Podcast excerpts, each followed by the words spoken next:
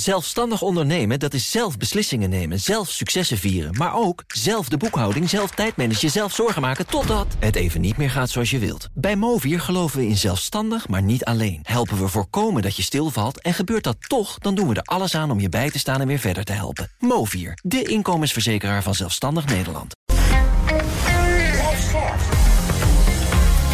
BNR Nieuwsradio. The Big Five. Art Rooijakkers. Het is deze week een jaar geleden dat Russische troepen Oekraïne, Oekraïne binnenvielen... onder het mom van een speciale militaire operatie. een jaar na dato maken we de tussenstand op. Hoe heeft de oorlog zich het afgelopen jaar ontwikkeld? Wat waren de belangrijkste omslagpunten in de strijd? Welke geopolitieke verschuivingen hebben er plaatsgevonden? En wat zijn de mogelijke scenario's voor de toekomst? Daar ga ik deze week over in gesprek met vijf experts in BNR's Big Five van één jaar oorlog. Vandaag de gast generaal Jan Swillens, directeur van de Militaire Inlichtingen en Veiligheidsdiensten MIVD en voormalig commandant van het korps Commandotroepen. Welkom. Goedemorgen.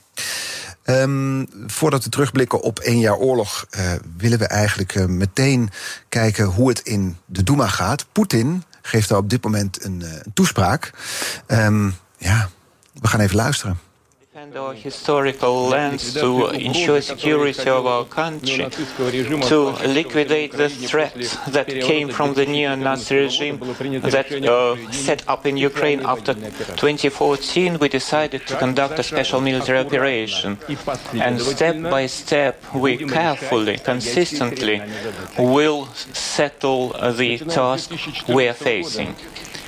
Starting from 2014, the Donbass has been fighting, uh, proving the right to live in its own land and speak its native language, fighting without surrender in the environment of blockade and constant threats and hatred that was coming from the Kiev regime, waiting for Russia to come for assistance.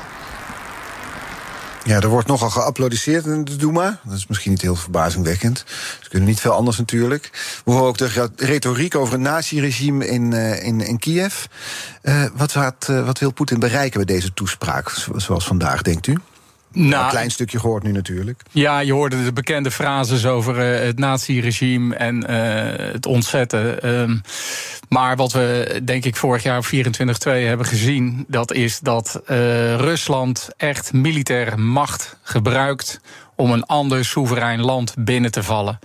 En hij zal vandaag vooral voor binnenlands publiek daar draagvlak voor willen creëren. En ook het beeld willen zetten dat het echt heel belangrijk is wat daar nu gebeurt. Um, en wat dat betreft uh, is het toch ook opmerkelijk uh, hoeveel slachtoffers er inmiddels aan Russische zijde zijn gevallen. Wat zijn de schattingen bij jullie daarvan, de aantallen? Nou, dat, dat gaat toch richting de 200.000 uh, militairen die of gesneuveld of gewond zijn geraakt. En dat zijn natuurlijk enorme aantallen. Ja, en we weten ook dat dat eigenlijk in Poetins mind geen issue is.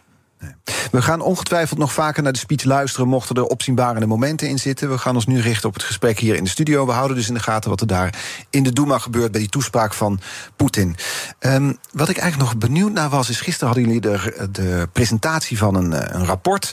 Waar jullie het hebben over de dreigingen ook voor Nederland. Een jaar na de oorlog brengen jullie eigenlijk in kaart samen met de AIVD. En dan las ik een zin in: we zijn open waar het kan en gesloten waar het moet. Komende uur open of gesloten? Ja, uh, zinnig geheim. En niet geheimzinnig. Zinnig geheim en niet geheimzinnig. Leg ja, daar moet je even over nadenken. Ja, precies.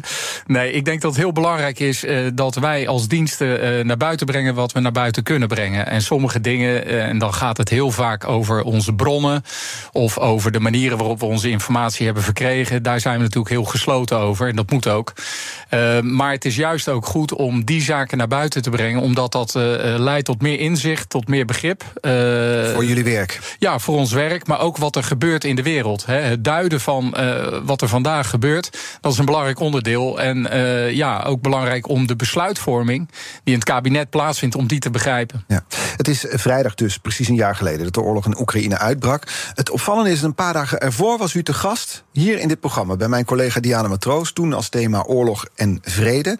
U zei er toen niets over. Het was een, een iets minder dan een week voor de oorlog. U wist natuurlijk als spion al lang dat het oorlog zou gaan worden toen. Ik ben benieuwd naar het fragment. Of, nee, er is geen fragment. Oh, er is, nee, geen fragment. Er is geen fragment. Nee, wij hebben inderdaad uh, natuurlijk in die weken voorafgaand uh, nadrukkelijk gekeken naar het conflict, hoe zich dat ontwikkelt.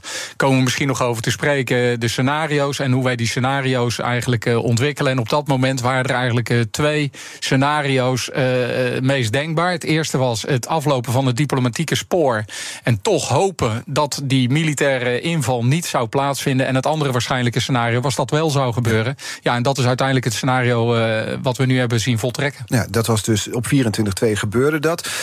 U zei gisteren, het, was, het is een historische gebeurtenis. Het heeft eigenlijk dezelfde uh, belang voor onze wereld als 9-11. Ja, ik denk dat uh, de val van de muur, 9-11 uh, en ook 24-2 uh, 2022... dat dat echt uh, keerpunten zijn in de geschiedenis. Op wat voor manier heeft dit zo'n impact? Nou, wat we zien is dat Rusland, wat ik al zei... militaire macht gebruikt om zijn politieke doelstellingen te halen. En een soeverein land binnenvalt. En dat kan niet weersproken blijven. Andere landen kijken ook wat er nu gebeurt. Wat gebeurt er als in de wereld een land een ander land binnenvalt? We hebben het over China bijvoorbeeld. Nou, dat is een voorbeeld. China heeft zich natuurlijk ook al onomwonden uitgesproken over Taiwan. die volgt dit conflict natuurlijk ook nauw, nauw gezet. En zij kijken ook met name naar de reactie van het Westen. en in die zin zien we nu voor onze ogen dat de wereldorde opnieuw geherschikt wordt. Het is niet een regionaal conflict, het is de hele geopolitiek wordt eigenlijk opnieuw herschreven, zou je kunnen zeggen. Ik, ik, las ook, want dit was gisteren bij de presentatie, kwam ook nog een uitspraak tegen van Kasia Ollongren, onze minister van Defensie. In een interview in de Volkskrant dit weekend was het volgens mij, of de NRC, dat ze vorig jaar op 24 februari, die dag van die inval, om vijf uur s ochtends door u uit haar bed werd gebeld. Ja, dat is correct. Hoe gaat zoiets? Nou ja, de, eigenlijk niet heel uh, bijzonder. Uh, ik werd geïnformeerd door ons situatiecentrum dat de Russische aanval was begonnen. ja, dan ben je wakker, dan weet je wat er gaat gebeuren. Dan weet je ook wat je moet doen die dag. En dat is als eerste de minister informeren, de commandant de strijdkrachten informeren. En ja, rust en overzicht krijgen. En zo snel mogelijk het, het battle rhythm aan de gang. En de, de feiten op een rij zetten. Dat is eigenlijk wat er dan gebeurt. En begint zo'n telefoontje met sorry dat ik zo vroeg bel. Bent u al wakker? Nee, we wisten, we wisten dat dit telefoontje zou kunnen gaan plaatsvinden. Dus in die zin was het ook geen volkomen verrassing. Maar uh, het, het, was niet zo dat, dat ze niet lag te slapen. Maar ja, precies wat ik eigenlijk zeg. Ja, dus dan maak je de minister wakker en dan zegt u het is oorlog in Oekraïne. Het is Correct. gebeurd. Ja. Hoe was de reactie van de minister? Ja, rustig. Uh, omdat het inderdaad uh, uh, ja, niet volkomen verrassend was. Ehm, ja, en daarna gaat eigenlijk, gaat eigenlijk het systeem zijn werk doen. Mhm. En dat betekent dat de mensen die voor ons het werk doen... overzicht proberen te krijgen. En je probeert eigenlijk dan direct... ehm, ja, wij noemen dat een battle rhythm voor elkaar te krijgen. Dus Battle de, rhythm? Ja, een battle rhythm is eigenlijk een systeem van overleggen... wat je die dag eigenlijk organiseert... waarbij je weet dat je op gezette momenten het kabinet, de minister van Defensie moeten informeren met de situatie op dat moment. Nou, is natuurlijk zo dat dat dan op 24-2 uh, gebeurt. Vervolgens zijn we nu een jaar verder. Ik had het er al over. Gisteren presenteerde u een rapport samen met de collega's van de AIVD. Over een jaar na de oorlog brengen jullie in kaart wat de gevolgen daarvan zijn. In dat rapport kwam ik de volgende zin tegen. Sinds het einde van de Koude Oorlog zijn de internationale verhoudingen, vooral tussen Rusland en het Westen, niet eerder zo gespannen geweest. Verdergaande escalatie is voorspelbaar. Dit alles is reden tot ernstige zorg. Ik ging daarna niet gerust slapen. Nee, dat kan ik me voorstellen. Dat is inderdaad, uh, ja, het is oorlog op het continent. Op twee uur vliegen, oorlog in Europa. En dat uh, lijkt wel bijna het nieuwe normaal. Dat in de kranten uh, de, de ellendige oorlogsfoto's zien dat we daaraan gewend raken. En, en dat mag eigenlijk nooit wennen. Het moet ook stoppen. Ja, nou, niet alleen dat, verdergaande escalatie is voorspelbaar, voorstelbaar. Ja, zeker. Wat betekent Kijk, dat? Nou, dat is eigenlijk, er zijn eigenlijk twee, twee manieren waarop je naar escalatie kan kijken. Met name als je naar Russische escalatie kijkt, dan zou het kunnen dat Poetin nog meer uh, mensen gaat oproepen onder de wapenen. Algehele mobilisatie. Algehele mobilisatie, uh, nog meer dan wat hij nu al gedaan heeft. Uh, hij kan de oorlogsindustrie nog veel verder en harder gaan activeren. dat noemen wij allemaal horizontale escalatie. Maar de nucleaire retoriek, die hebben we het afgelopen jaar ook gehoord. Uh, er zijn geen aanwijzingen uh, dat nucleaire inzet uh, aanstaande is. Maar het zijn wel mogelijkheden waar we ook rekening mee moeten houden. The Big Five. Art Rojakkers. Met vandaag de gast generaal Jan Swillens, directeur van de MIVD en voormalig commandant van het Korps Commandotroepen. Laten we eens kort terugkijken op dat jaar oorlog. Bijna ondoenlijk natuurlijk om zo'n jaar in kaart te brengen, maar jullie duiden als MIVD ook wat er op de grond gebeurt. Wat hebben we gezien het afgelopen jaar? Ja, ik, ik kan dat het beste in één minuut in een aantal fasen beschrijven. De eerste fase was de periode in maart, eh, waarbij de Russen een slecht plan hadden. Over zeven assen wilden binnenvallen. Het plan werd ook nog eens een keer slecht uitgevoerd. En uh, ze hebben echt totale foute aannames gemaakt waar het betreft uh, de weerbaarheid van de Oekraïners en het leiderschap van Zelensky. Daarna kregen we eigenlijk de fase dat ze zich uh, terugtrokken en massaal in de Donbass uh, probeerden toch terreinwinsten te boeken. En dat is ook de periode geweest, zo'n beetje mei, juni, dat het Westen besloot om panzerhouwitsers te leveren, ook Nederland, HIMARS-systemen. Uh, daarna kregen we de zomer en uh, na de zomer uh, het offensief van de Oekraïners. Die eigenlijk in het zuiden een schijnaanval deden op Gerson. En strategisch een heel stuk terrein weer hebben heroverd. Dat leidde ertoe dat de Russen een verandering in het leiderschap hebben aangebracht. Surovikin trad aan. En we zagen vanaf dat moment ook dat de elektriciteits- en de nutsvoorzieningen in Oekraïne werden aangegrepen met kruisvluchtwapens. En dat dus echt die totale oorlog, dus ook niet-militaire doelen werden aangegrepen. Gevolgd door een fase van um, ja, een soort standstill langs het front, waarbij de Russen vooral verdedigende opstellingen hebben gegraven over de hele lengte van het front van meer dan duizend, duizend kilometer. Het aantreden van Gerasimov, de ja, hoogste de commandant generaal. van strijdkrachten. Ja, dus verdere escalatie in die zin is ook, is ook niet meer mogelijk. En uh, herbewapening van de Oekraïne. En we staan nu aan de vooravond van echt een hele belangrijke fase. De komende weken en maanden zullen echt heel belangrijk worden. Wat weten jullie van die komende fase? Want we horen dan in kranten, in nieuwsberichten veel over een aanstaand Russisch offensief. Ik kijk nu naar iemand die meer informatie heeft dan wij als nieuwsconsument. Wat zijn jullie verwachtingen voor de komende tijd? Nou, wat wij, uh, laat ik met de bottomline front beginnen. Het is onwaarschijnlijk dat uh, Rusland zijn militaire doelen gaat halen binnen nu en drie maanden. He, dus de Donbass helemaal veroveren, achten wij op dit moment onwaarschijnlijk. We achten ook onwaarschijnlijk dat Oekraïne zijn militaire doelen gaat halen, namelijk het uh, verdrijven van alle Russen van Oekraïns grondgebied. Waarmee we dus ons moeten voorbereiden op een langlopender conflict. Dat is het meest waarschijnlijke scenario op dit moment. Um, maar ik zeg erbij, en daarom is het ook goed om even kort stil te staan van wat ligt dan onder onze analyses. Want alle denktanks die maken ook analyses. Maar wat u terecht zegt, uh, wij baseren ons ook op onze inlichtingenbronnen. En wat we eigenlijk doen, dat is uh, een scenario bedenken of een scenario in kaart brengen, analyseren. Wat gedreven wordt door een aantal hele belangrijke factoren van invloed. Nou, bijvoorbeeld het Russisch militair vermogen, dat is zo'n factor van invloed. Dus stel dat Rusland zou besluiten komende maand om weer 100.000 uh, Russen onder de wapenen te roepen, dan neemt het militair vermogen van de Russen toe. Mm -hmm. En daarmee ook de kans op succes. Nieuw scenario maken als MIVD vanaf dat moment. Nou ja, je moet dan. Je hebt eigenlijk het scenario: Rusland uh, gaat zijn doelen halen en Oekraïne gaat zijn doelen halen. We zitten nu ergens in het midden, voortdurend conflict. Maar stel dat uh, de Oekraïners met de wapens die ze nu krijgen succesvol gaan worden in een offensief. Niet alleen omdat ze die wapens krijgen, maar omdat ze die ook heel goed weten in te zetten. Mm -hmm. Dan neemt de kans op Oekraïns succes neemt toe. Uh, maar je kunt dan wel berekenen van hoeveel munitie, hoeveel wapens heb je dan nodig. Nou, en dat leidt, dat is echt een, uh, uh, het is natuurlijk een beetje een combinatie van wetenschap, maar ook de kunst van het oorlog voeren. Wij zeggen vaak art en science bij elkaar. Dat richt onze inlichtingeninspanning. Dus wij kijken vooral naar die indicatoren, die drivers achter dat conflict. om uh, uh, meer of minder waarschijnlijke scenario's uh, in kaart te brengen. En kunnen jullie ook in kaart brengen, of brengen jullie ook in kaart. Er wordt gesproken over een Russisch offensief dat er aankomt, dat dat mogelijk al begonnen is. Hoe dat er bijvoorbeeld uit gaat zien? Ja. Nou, wat, wat we nu in ieder geval zien op de grond, de activiteiten, is dat over een aantal assen langs het bestaande front er gevochten wordt laat ik zeggen, op bataljons- en uh, brigadeniveau. Dan moet je echt denken aan, aan 500 tot 2.000, 3.000 uh, soldaten. Hè. Dat is een bataljon tot een brigade. Um, dat kun je een offensief noemen. Maar een echt grootschalig offensief van meer dan 20 of 25.000 uh, soldaten, dat is echt wat je eigenlijk uh, op strategieniveau een echt offensief noemt. Bijvoorbeeld richting Kiev of richting Izium of richting Kharkiv. Dat zien we nog niet. Dat zien we niet. Uh, wat we nu dus dat? zien, dat is, laat ik zeggen, dus in die kleinere legerverbanden zien we aanvallen die in ieder geval de afgelopen weken ook nog niet significant terreinwinst hebben opgeleverd voor de Russen. Mm -mm.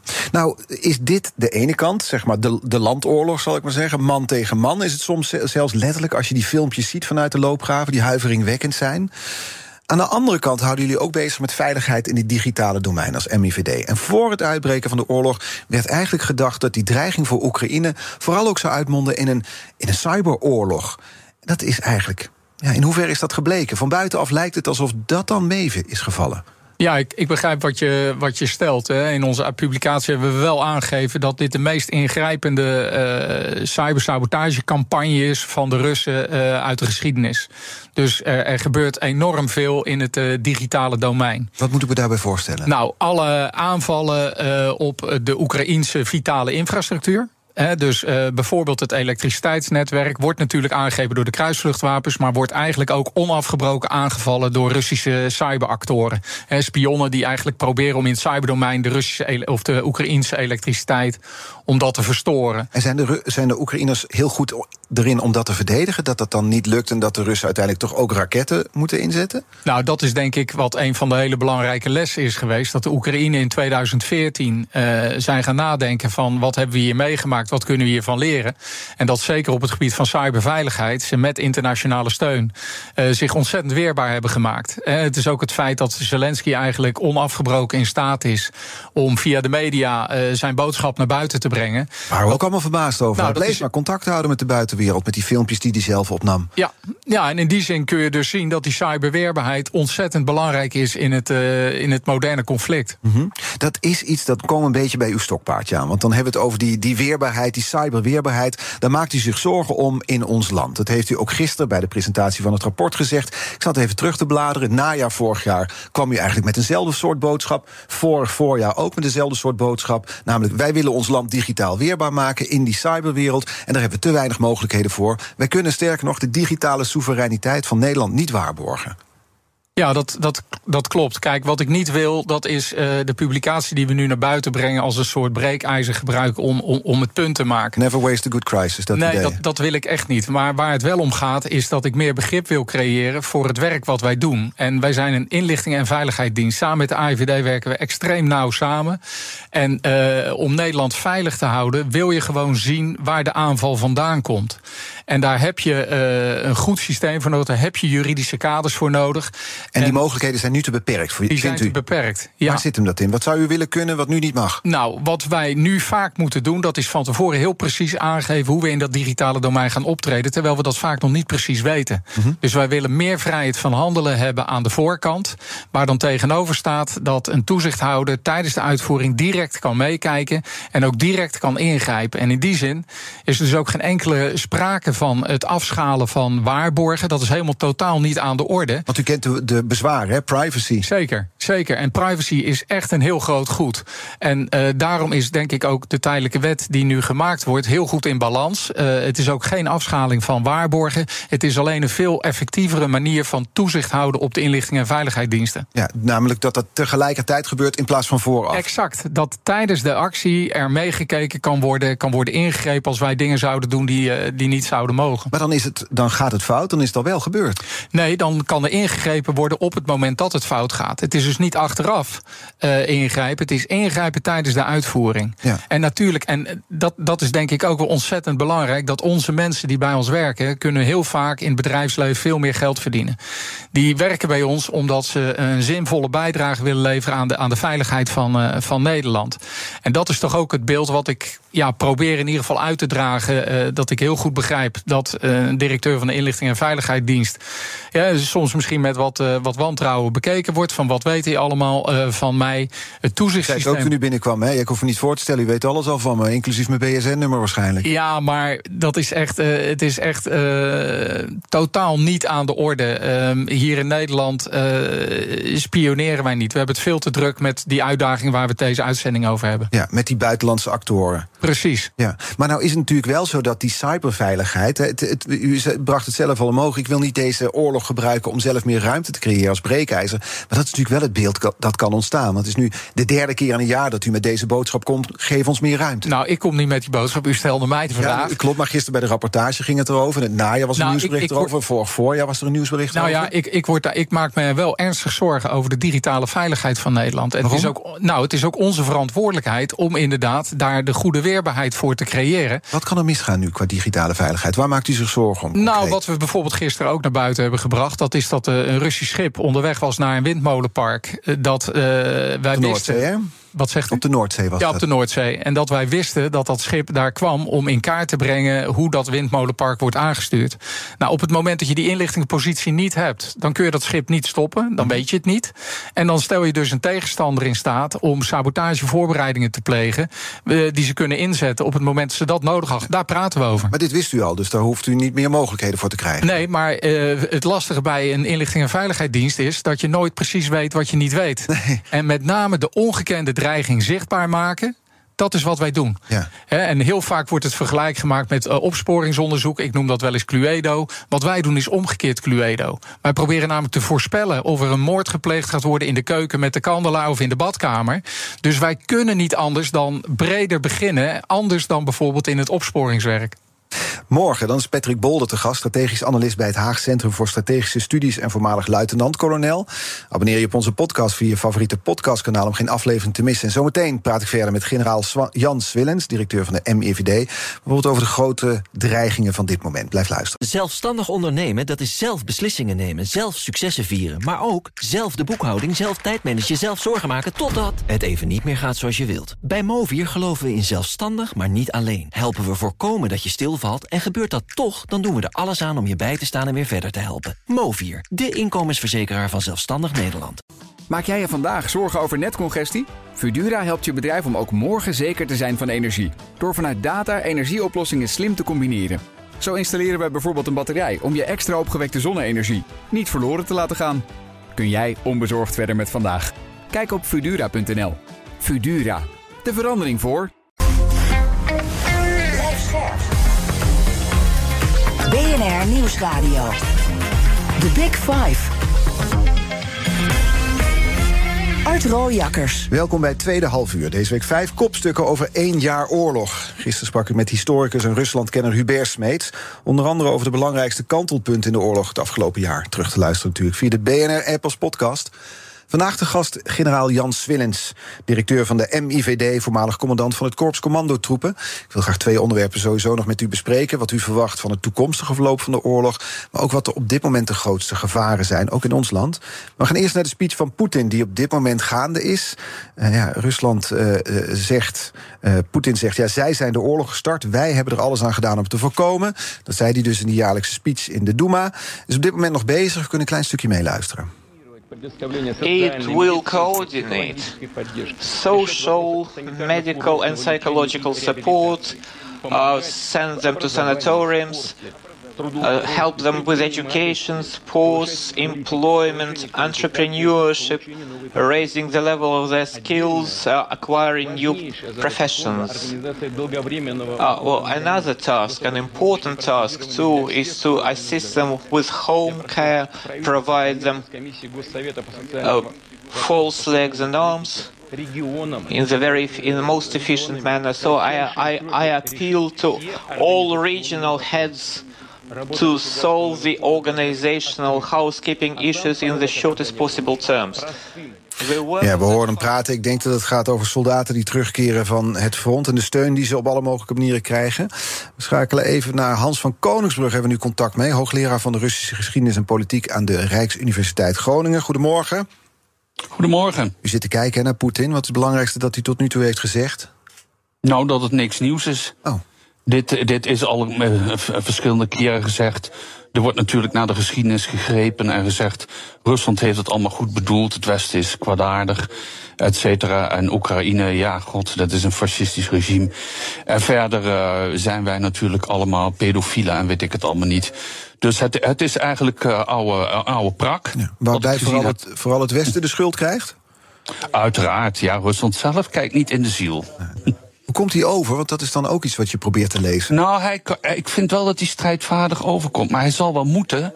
Want uh, er is natuurlijk niet echt veel te vieren of te commemoreren. Ja, behalve een jaar oorlog. Maar het Russische leger heeft natuurlijk niet fantastisch gedaan. Dus hij moet wel een soort van pep talk gaan geven. En dat doet hij ook. Ja, dat is wat we nu dus zien, een pep talk. We horen nog niks over een algehele mobilisatie of, of andere oorlogstaal.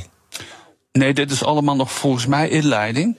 En we zullen zien wat er komt. Ja. Want als dit het alleen is, dan is dat. Uh, nou ja, mager in die zin van eigenlijk. Dit is de derde of vierde keer dat het hetzelfde klinkt en hetzelfde ongeveer is. Ja. Dus ja. Nou, u blijft het in de gaten houden. Mocht er nog iets opzienbaars komen, dan horen u later in deze uitzending nog. Dank voor nu. Hans van Koningsbrugge, hoogleraar van de Russische geschiedenis en politiek aan de Rijksuniversiteit Groningen. Dan uh, ga ik weer met, uh, met u in gesprek. We zitten dus zo met een schuin oog soms naar die speech van Poetin te kijken hier in de studio. Generaal Jan Swillens, directeur van de MIVD, mijn gast uh, op dit moment. Um, u waarschuwde eind vorig jaar in het FD openlijk voor zogenaamde Russische dekmantelfirma's in ons land. Laten we dat in kaart brengen, de uitdagingen en gevaren voor ons land. Kunt u in eigen woorden uitleggen wat daarmee nou werd bedoeld? Nou, de Russische militaire inlichtingendienst uh, die heeft een uh, uitgebreid netwerk van bedrijven die niet gelieerd kunnen worden aan Rusland. Hè, die dus onder een dekmantel, onder valse voorwenselen eigenlijk hun, hun werk doen. En wat we hebben vastgesteld is dat andere bedrijven in Rusland, bijvoorbeeld bedrijven die werkzaam zijn in de defensieindustrie, dat ze bij de geheime dienst daar hun uh, bestellingen kunnen plaatsen. Omdat ze steeds meer moeite hebben om uh, ja, noodzakelijke inkopen te doen ten gevolge van de sancties. Nou, die dekmantelbedrijven die verwerven dus op die manier uh, de spullen voor, nou, bijvoorbeeld voor de Russische defensieindustrie. Ja, en op die manier faciliteert de Nederlandse techsector, min of meer was de waarschuwing vanuit de MIVD, de oorlog in Oekraïne.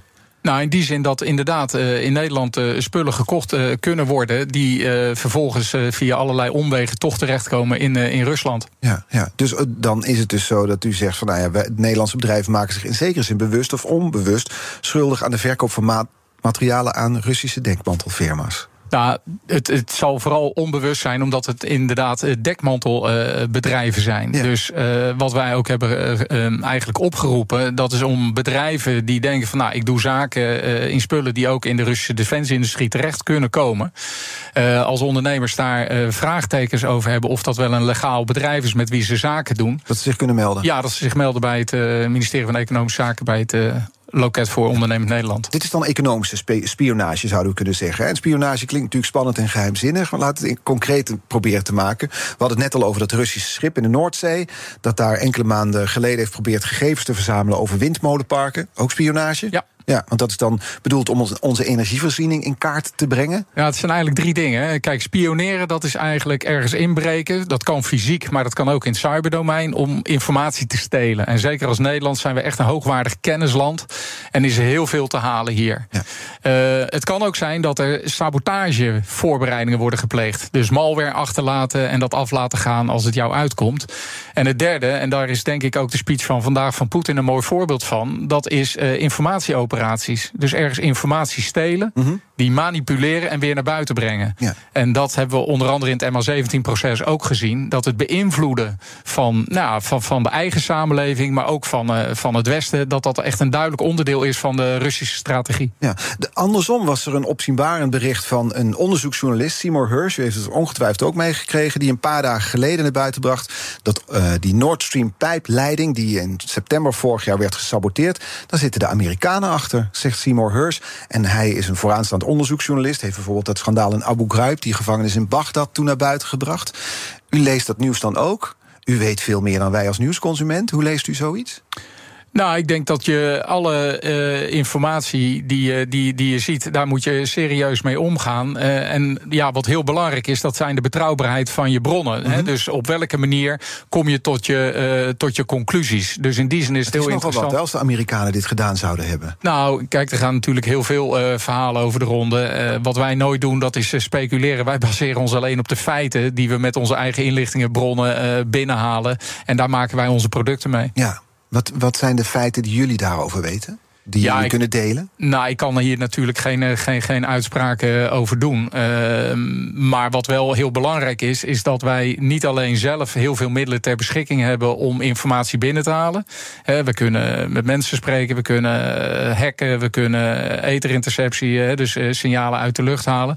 Maar ook heel belangrijk, we hebben heel veel internationale partners met wie we zeker ook nu Ja. in Oekraïne eh, heel nauw samenwerken. En al die stukjes informatie bij elkaar gevoegd, dat is eigenlijk het werk van de inlichting en veiligheidsdiensten. Snap ik. En soms is het dan toch zo dat ondanks al die informatie die jullie hebben, dat nieuws dan via een journalist naar buiten komt, omdat zij zich, nou ja, eerder de publiciteit kunnen zoeken dan een inlichtingendienst. Bijvoorbeeld over Abu Ghraib of nu over Nord Stream. De vraag is natuurlijk of het klopt of niet. Maar stel dat dat klopt, dan heeft dat nogal wat implicaties. Want al die energieprijzen die hier zo door het dak gingen, had onder andere te maken met het feit dat die Nord Stream pijpleiding werd gesaboteerd. Ja, maar ik denk niet dat het heel veel zin heeft om, om te speculeren. Ik zie het maakt liefst- nogal wat uit of het de Ja. Russen waren of de Amerikanen. Nou, ab- eh, ab- ab- absoluut. Eh, en wat dat betreft eh, eh, ja, is het de vraag of dat ooit duidelijk zal worden. Maar je baseren op speculatie of op enkele artikelen is onverstandig. Nee, nou ja, het is een serieuze onderzoeksjournalist natuurlijk, waardoor je zoiets dan wel goed moet wegen. Zeker. Toen werd het antwoord in één keer kort. Ja, Nou ja, ja, ik zou heel graag de bronnen zien die eh, meneer Hirsch. eh, ik heb ze niet gelezen. Nee. Eh, ehm, en wat dat betreft, ja, is het heel gevaarlijk om op basis van, van speculaties uitspraken te doen. Ja. Hoeveel, belang Moet er aan, doen. hoeveel belang moeten we eraan hechten aan dat nieuws? Ja, ik hecht daar niet zoveel belang aan. 17 Russische inlichtingenofficieren werden vorig jaar ons land uitgezegd. Het waren dus inlichtingenofficieren is een ander woord voor spion, kunnen we wel stellen, toch? Eh, dat is correct. Ja, dat was dus vorig jaar. Nu maakte minister Hoekstra afgelopen zaterdag bekend weer een aantal Russische diplomaten, inlichtingenofficieren, eh, naar het land uit willen sturen. Want hij zegt: Rusland stuurt steeds weer pionnen, spionnen onder die diplomatieke dekmantel naar ons land.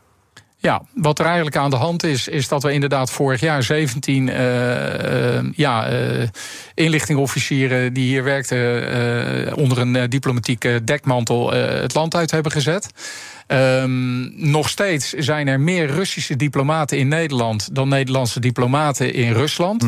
En dat is de reden dat minister Hoekstra heeft gezegd: van luister, ik wil daar eh, evenwicht in aanbrengen. Pariteit wordt dat vaak genonoemd. Dus net zoveel Moet diplomaten hier als evenveel daar. Precies. En dat is nu de reden dat hij heeft gezegd van ik wil daar evenwicht in aanbrengen. En tegelijk eh, hebben we het afgelopen jaar gemerkt dat de Russen bij het aanmelden van nieuwe diplomaten daar soms eh, toch weer mensen op de lijst zetten die wij kunnen linken aan de, aan de inlichtingendienst. Waarvan jullie dan zeggen: ja, maar die willen we nu niet in ons land hebben. Nee, precies. Maar de hoofdreden eh, wat nu gebeurt, dat is om evenwicht aan te brengen in die diplomatieke verhouding. Dat brengt ons in zekere zin bij de kettingvraag. Onze gasten stellen elkaar kettingvragen in dit programma. Vorige aflevering, gisteren dus, historicus Ruslandkenner Hubert Smeets had deze vraag voor u. Ik zou hem willen vragen hoe het volgens hem komt dat de Russische inlichtingendiensten, zowel de staatsveiligheidsdienst FSB als de buitenlandse inlichtingendienst SVR, en zeker ook de militaire inlichtingendienst GRU, zo ongelooflijk misgekleund hebben in het beoordelen van de stemming in Oekraïne voordat ze de invasie begonnen. Ja, dat is een hele goede vraag. En ehm, ja, ik denk dat er een paar redenen onder liggen. Eh, de eerste is denk ik gewoon simpelweg tunnelvisie. Eh, groepsdenken is eh, voor elke inlichting en veiligheidsdienst een ontzettend gevaar. Je moet diversiteit in denken hebben, maar ook een cultuur hebben dat je echt van verschillende kanten naar het probleem kijkt. En als dat er niet is, dan ontstaat tunnelvisie en dat is heel gevaarlijk. Eh, En dat twee- is daar mogelijk gebeurd. nou, dat zou heel goed kunnen. Dat dat een hele belangrijke overweging is. Het tweede is, eh, je moet ook, eh, eh, wij noemen dat vaak tell truth to power. Je moet ook je afwijkende eh, beeld van de werkelijkheid ook uit durven spreken tegen de direct leidinggevende. Dat is ook iets waar Rusland niet onbekend staat. Hè, dus je baas pleasen, dat is daar toch wel eh, modus operandi. Het derde is dat ze waarschijnlijk de aanname hebben gedaan dat een herhaling van 2014 zou worden. Het overschatten van je eigen capaciteiten, het onderschatten wellicht ook van, eh, van de Oekraïners. En dat alles bij elkaar is denk ik een belangrijke bron geweest voor het plan wat we vorig jaar hebben gezien. Een aanval over zeven assen.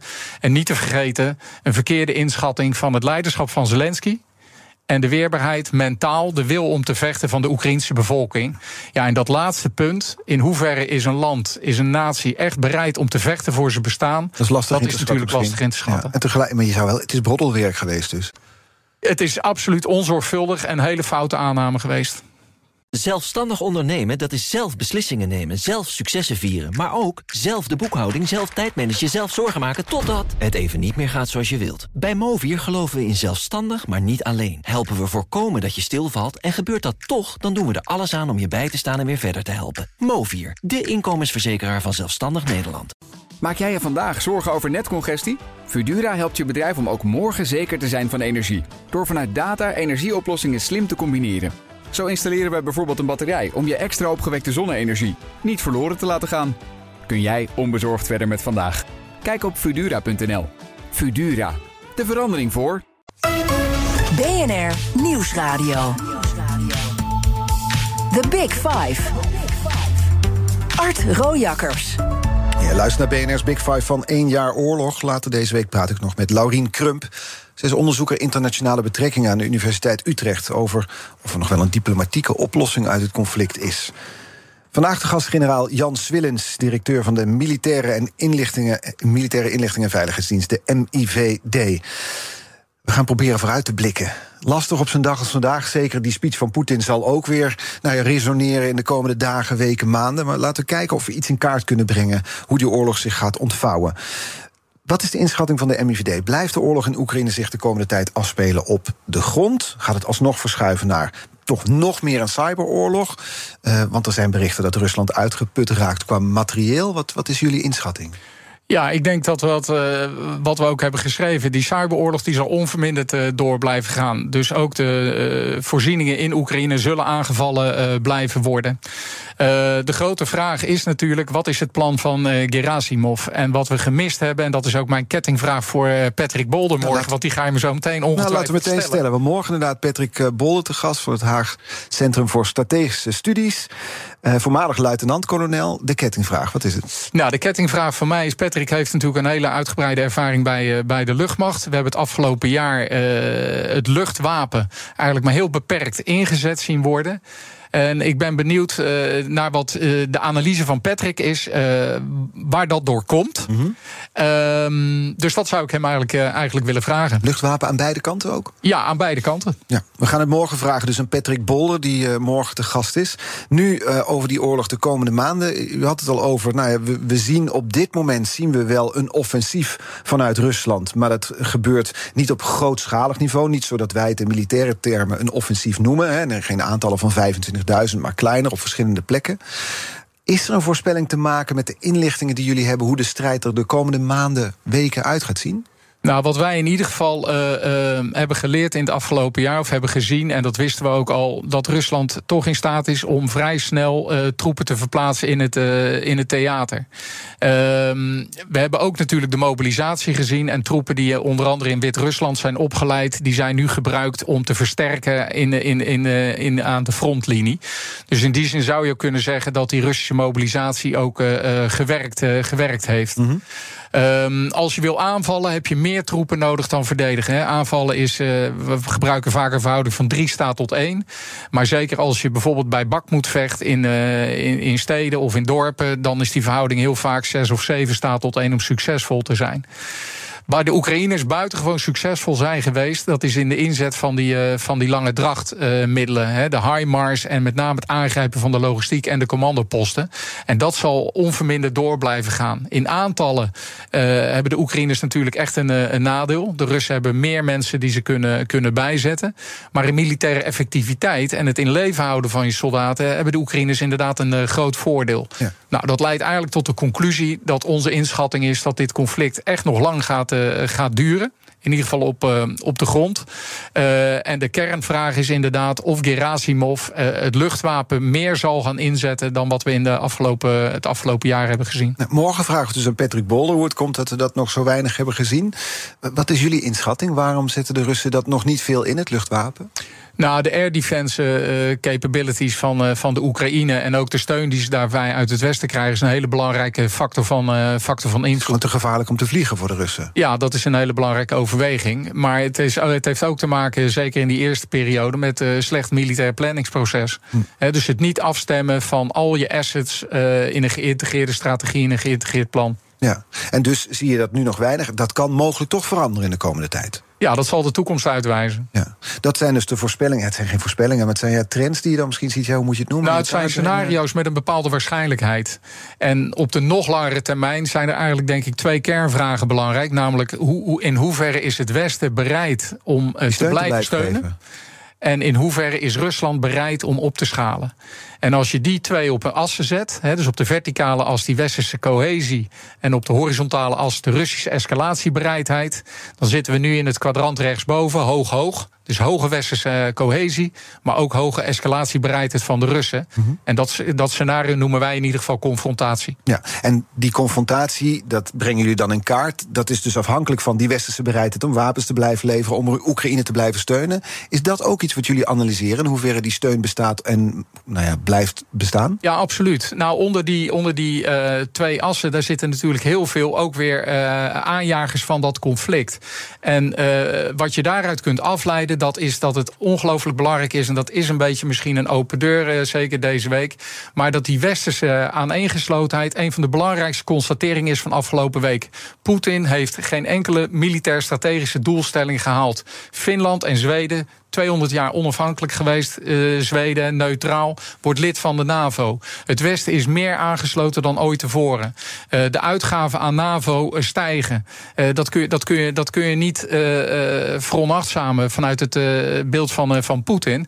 En misschien nog wel heel belangrijk ook... dat ook toekomstige landen of wereldleiders... heel nauwgezet zien hoe het Westen reageert... als er inderdaad een oorlog plaatsvindt. We horen die speech van Poetin dus op de achtergrond door deze uitzending heen. Hij richt zich vooral op het Westen. Heeft natuurlijk wel een punt dat hij in zekere zin ook in conflict is met het Westen, in oorlog met het Westen, toch? Nee, dat is zijn retoriek. Hij is Oekraïne binnengevallen. Hij is een soeverein land binnengevallen. Hij vermoordt daar uh, uh, burgers. Hij pleegt misdaden tegen de, tegen de mensheid. Hij offert zijn eigen soldaten.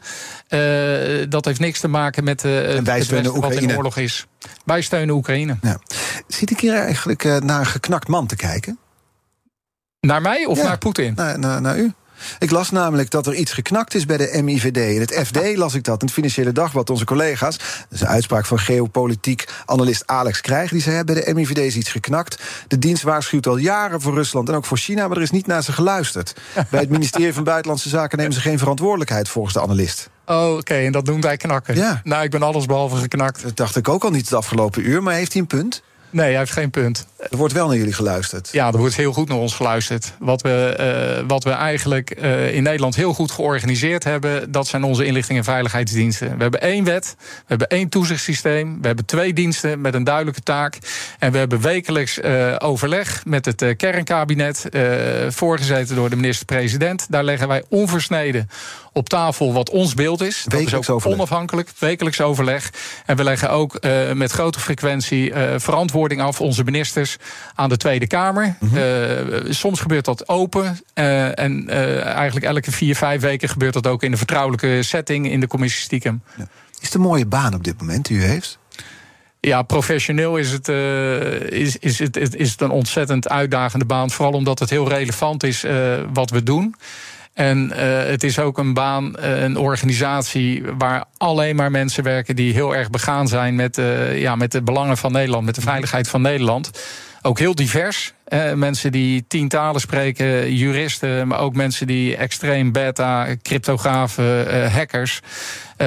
man, vrouw, jong, oud. En, en dat is altijd mooi als je leiding mag geven aan een hele diverse organisatie. Ik kan me voorstellen dat werk het afgelopen jaar wel op een hele andere manier ingevuld is gaan worden. Nou, ik denk dat de inlichting en veiligheidsdiensten in zijn algemeenheid, in de wereld waarin we nu leven, dat wordt vaak de gray zone genoemd. Hè, dus uh, de permanente staat van competitie. Uh, gebeurt van alles op het gebied van beïnvloeding, op het gebied van cyber. Maar net onder de drempel van gewapend conflict. Daar zijn inlichting en veiligheidsdiensten uh, echt het, het schild voor Nederland. Om die belangen veilig te houden. en dat doen we door die goede inlichtingenposities te creëren. Ja, en dat is iets wat de komende jaren nog wel nodig zal zijn. Ik bedoel, die, u zegt net het conflict in Rusland. Het, of in Oekraïne gaat nog wel uh, lang duren, is de inschatting. Dat is niet zomaar voorbij. En ook andere landen kijken hiernaar. Ja, het gaat niet minder worden. Dat is absoluut uh, zeker. Hè. Er is, uh, de, nou ja, we geven elk jaar rond 1 mei ons openbaar jaarverslag uit. Daar staat ook precies in waar we naar kijken en met welke prioriteit. En wat we dan zien. En dan, dan is dat niet altijd een vrolijk beeld. Nee, nee. dan spreken we deze af dat we u over een poos hier weer uitnodigen in BNR's Big Five. Dat is prima. Want ik vond u open waar het kon, gesloten waar het moest. Kijk, dat is goed. Ja, dank voor de komst. Generaal Jan Swillens, directeur van de MIVD. Morgen is dus Patrick Bolle te gast, strategisch analist bij het Haag Centrum voor Strategische Studies. Onze afleveringen zijn terug te luisteren als podcast. Je kunt je abonneren via onze app of je favoriete podcastkanaal. Dan hoef je geen aflevering te missen. En nu, we gaan op deze zender door met BNR Breekt. Ivan Verrips, en die gaat het naar aanleiding van die speech van Poetin hebben... over het feit dat Poetin met 1-0 achter staat. Als je daarmee eens bent of oneens bent, laat het weten in BNR Breekt. Tot morgen. Zelfstandig ondernemen, dat is zelf beslissingen nemen, zelf successen vieren... maar ook zelf de boekhouding, zelf tijdmanagen, zelf zorgen maken... totdat het even niet meer gaat zoals je wilt. Bij Movier geloven we in zelfstandig, maar niet alleen. Helpen we voorkomen dat je stilvalt en gebeurt dat toch... dan doen we er alles aan om je bij te staan en weer verder te helpen. Movier, de inkomensverzekeraar van Zelfstandig Nederland.